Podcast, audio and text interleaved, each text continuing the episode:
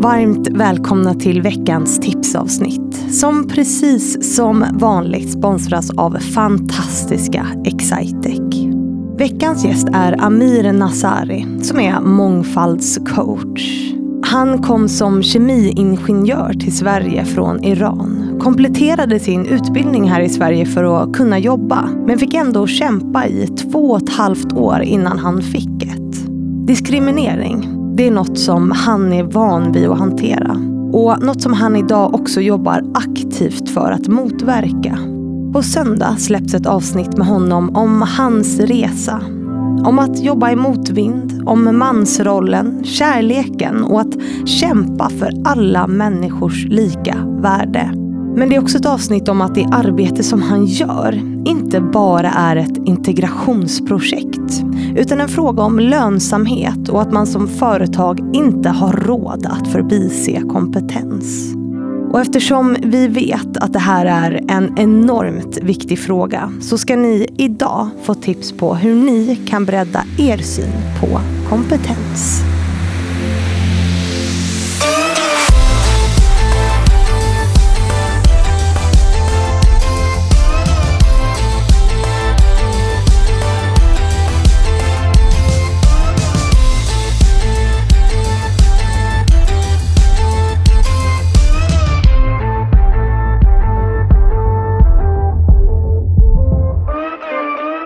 Vi säger välkommen till Amir Nasari. Kul att ha dig i studion. En av de eh, förebilderna som fick pris på min gala. Fannys förebilder Gala Version, person för mångfald. Tack så mycket. Kul att vara här. Hur känns det nu? Det känns jättebra och hedrande eh, att vara en av förebilderna. Som får vara med här va? Absolut. Hur känns det nu då efter att ha suttit här i ja, lite drygt en timme har vi ju spelat in nu. Nej, tiden har gått väldigt fort och som vi konstaterade, det finns så mycket mer berätta. Mm, det finns ju det. Eh, men man hinner inte med sin livshistoria på en timme oftast. Nej.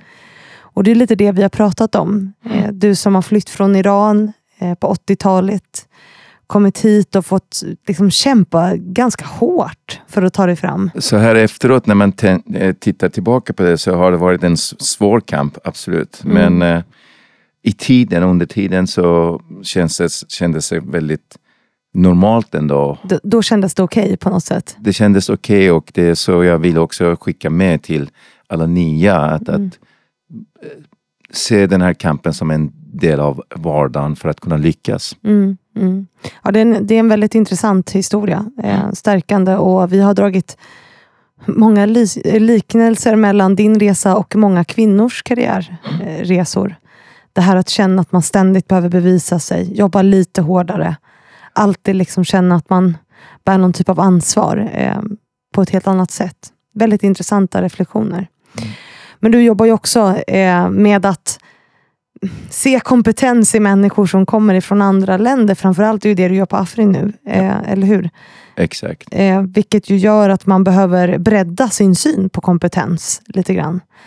Och eftersom det är ditt expertområde så ska du få tipsa de som lyssnar och tittar om hur man kan göra det. Helt riktigt och, och till att börja med kan jag konstatera att kompetensen är inte bara de betyg och intyg och examensbevis Nej. som är kopplat direkt till själva tjänsten och befattningen utan det är hela bak, ens egen bakgrund från barndomen tills där man är idag och den person man är idag. Mm. Alla kulturella kunskaper, bakgrund, språk, personkemi och, och hur man eh, agerar och reagerar i en grupp. Mm. Ja, tankesätt, allt, allt det här sammantaget tycker jag är kompetens. Inte minst eh, hur man beter sig mot, mot eh, omgivningen och, och eh, det här med kreativiteten är kopplat till ens egen bakgrund, hur man, hur man är som person eh, eh och, och eh,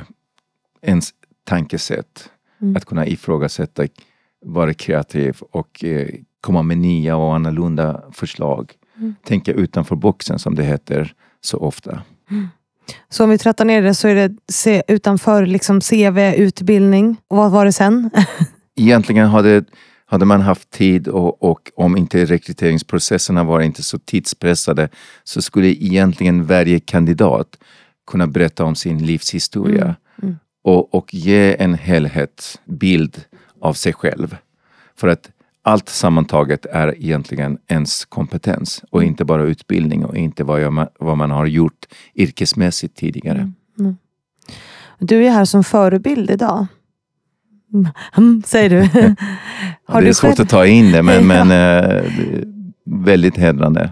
Har du själv några förebilder som du ser upp till? För de som känner mig, jag är väldigt intresserad av idrott och, och också har idrottat hela mitt liv och även nu i min ålder, närmare 60 fortfarande, håller på och tävlingscyklar. Mm. Så jag, mina förebilder kommer oftast från idrottsvärlden. Och där tidigare, en intressant faktiskt reflektion som jag själv kommit på, att jag har beundrat mina förebilder för deras fysiska prestationer. Mm. Men med tiden nu har jag märkt att den här fysiska prestationen och, och det man har lärt sig inom idrotten är egentligen också en kompetens. Mm. Man kan bli hur duktig som helst i, i, sin yrkesroll genom att vara en duktig idrottare. Mm. Det är 100 procent, det är ju mentalitet också. Ja. Mm.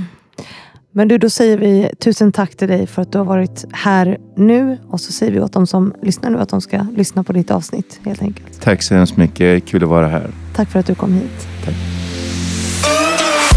Och tusen tack till alla er som lyssnat på veckans tipsavsnitt. Jag hoppas att ni får en fortsatt bra vecka och sen så hörs vi på söndag igen, precis som vanligt.